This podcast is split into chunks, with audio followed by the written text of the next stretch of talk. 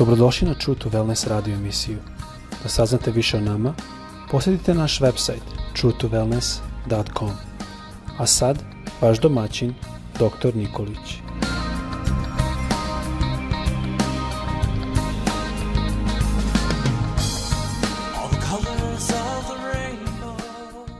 Dragi brate, draga sestro, dragi prijatelju, dobar dan. Svima šaljem srdačne pozdrave sa željom da vas Bog danas čuva, da vas Bog danas blagoslovi, da imate zdravlje i da imate uspeh u delu ruku vaših. Tema o kojoj želim da govorim nosi naslov Četiri Božje kazne za zemlju. I za ovu temu ja ću pročitati iz proroka Jezekilja, 14. glava, 13. stih, gde Bog kaže proroku Jezekili sledeće.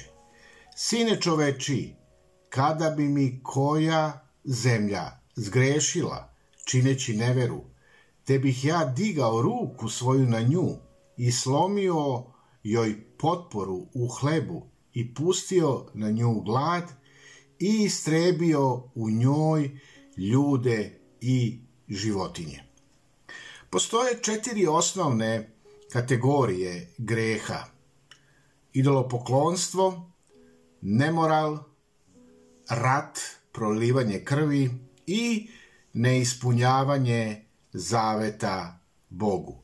I svaka od ovih kategorija je u stvari prljanje i posledica jednog lošeg ispunjavanja e, naše službe upravljanja na ovoj zemlji.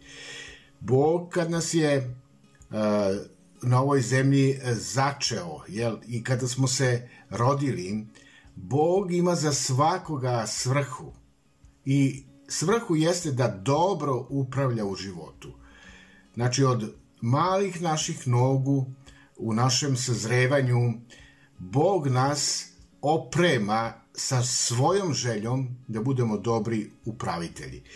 I kada god grešimo ili kada god ljudi greše, zemlja u kojoj se nalazimo, ona trpi posledice i ukazuje na šta? Na kaznu koju je Bog poslao na stanovnike te zemlje. I hajde da izbliza malo pogledamo neke od tih posledica.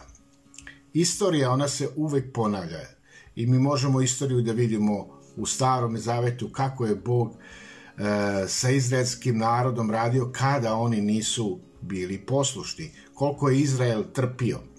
Istorija ponovo i ponovo i danas dokazuje da kad ljudi zanemaruju Boga, onda u stvari sebi na vrat, kako mi to znamo da kažemo, navlače mnoge nevolje i mnoge tragedije.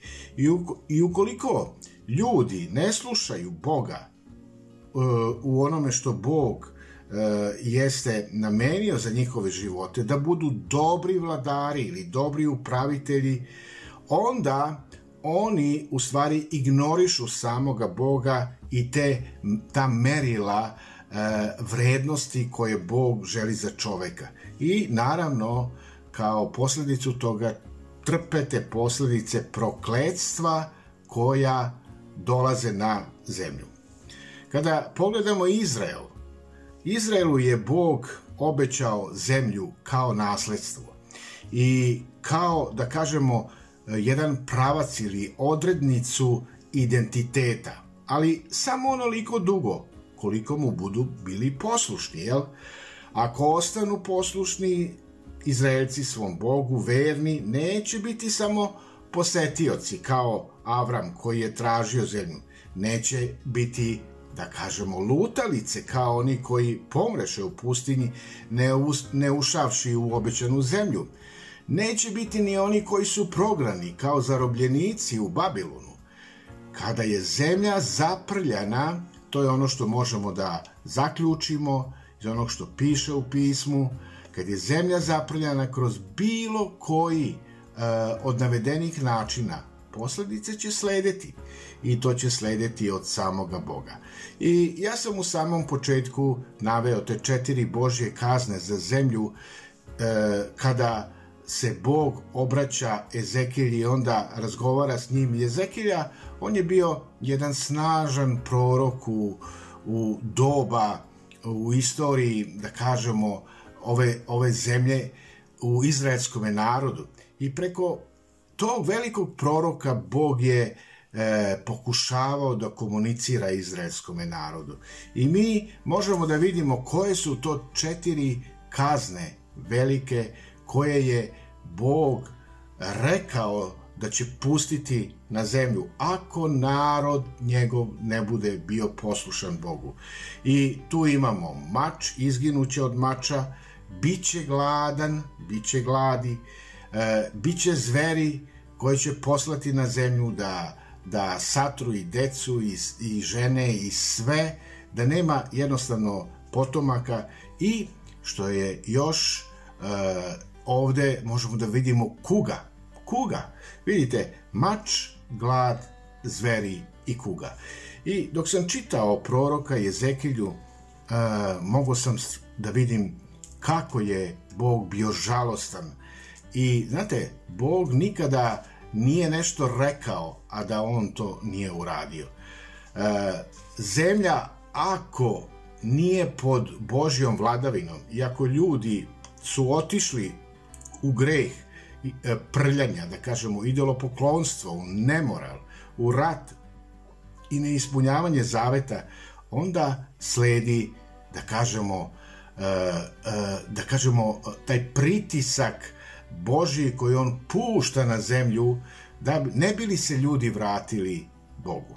I zato je jako važno da u ome vremenu sagledamo šta je problem naše zemlje. Šta je problem zemlje u kojoj mi živimo? Zašto je ovaj narod oko nas nesretan? Mi širom sveta možemo da e, primetimo i nalazimo primere recimo gladi na zemlji. I ajde samo da ovu stvar ovde e, kada govorimo o gladi da malo izanaliziramo. Glad, vidite, glad je šta? Posledica neposlušnosti Bogu. I vidite, u ovo su, možemo da kažemo, uključeni nekoliko vrsti, vrsta gladi. Imamo tu fizičku glad, onda imamo glad za Božjom reči, onda imamo glad za autentičnošću, onda imamo glad za živim sedočanstvom, onda imamo glad za zajedništvom, glad za žetvom. I vidite, e, kada govorimo o toj fizičkoj gladi, koja može da dođe na zemlju, ona je strah, strašna i ona može da zahvati bilo koju oblast. Mi čitamo tamo u psalmu u 105. u 16. stihu, tamo piše i pusti glad na zemlju i potra sav hleb za hranu. Onda imamo drugu glad, koja je isto posledica greha. Tu je, to je glad za Božjom reči. I u knjizi proroka Amosa, tamo u 8, 8. glavi 11. stihu piše, evo idu dani, govori gospod večni, kada ću na zemlju pustiti glad. Ne glad hleba i ne, kaže, žeđ vode, nego glad i žeđ slušanja reči Božije. Onda imamo glad za autentičnošću, glad za stvarnim identitetom u Hristu. Ono što Bog želi jeste da mi kao hrišćani budemo u Hristu i da Hrist bude u nama. To je taj identitet i ta autentičnost koju Bog očekuje od nas. Bez te autentičnosti, e, autentičnošću, neprekidno mi ćemo pokušavati da pronađemo sebe u raznim oblicima idolopoklonstva i mi to nazivamo idolatrijom, e, e, samo ispunjavanja i pokušamo, e, mnogi pokušavaju da ispune se na različite načine, ali nikako ne uspevaju da odgo, o, odgonetnu onu svrhu stvarnog, da kažemo, života.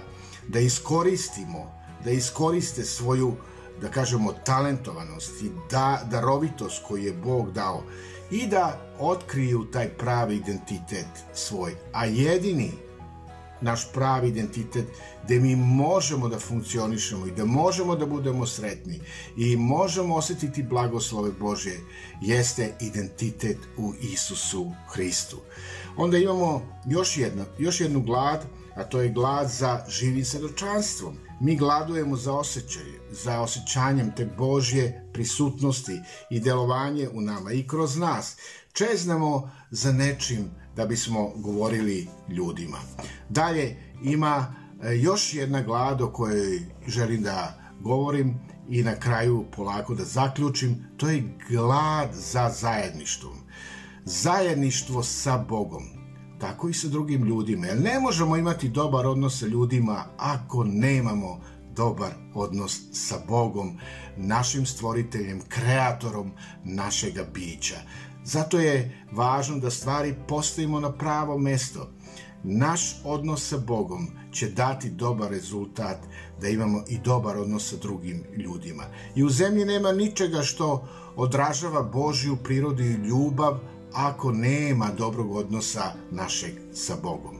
Naše područje se nadvija e, e, na našem području se nadvija ta sebičnost, gde se ljudi okreću od Boga i okreću se svojim interesima. I onda celo društvo trpi. I zato ja želim na kraju da kažem da da bi imali blagosloven život, Bog očekuje da nas blagoslovi sa žetvom. Vidite, kada nema žetve, to je to je to znači da nije bilo dobre ni setve. I vidite, setva je ono što mi sejemo. I ono što mi sejemo, to ćemo i požnjeti.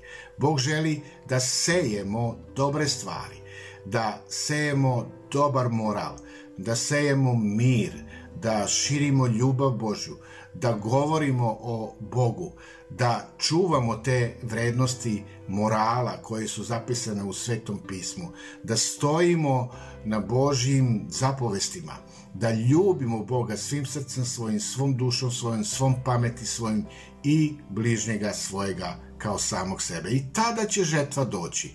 Tada će plodovi na ovoj zemlji biti blagosloveni i sve će oko nas ići na dobro. Neka vas Bog blagoslovi danas, da budete uspešni, da zemlja ova bude blagoslovena po vama. Zapamtite, ako stojite uz Boga, Bog će blagosloviti i ovu zemlju, blagoslovit će grad, blagoslovit će mesto, blagoslovit će lokaciju gde se nalaziš, blagoslovit će tvoj dom, tvoju porodicu, blagoslovit će tvoje najbliže, bit će Boži blagoslov kroz tebe ako stojiš uz Boga. Neka te Bog čuva danas i vodi. Amin.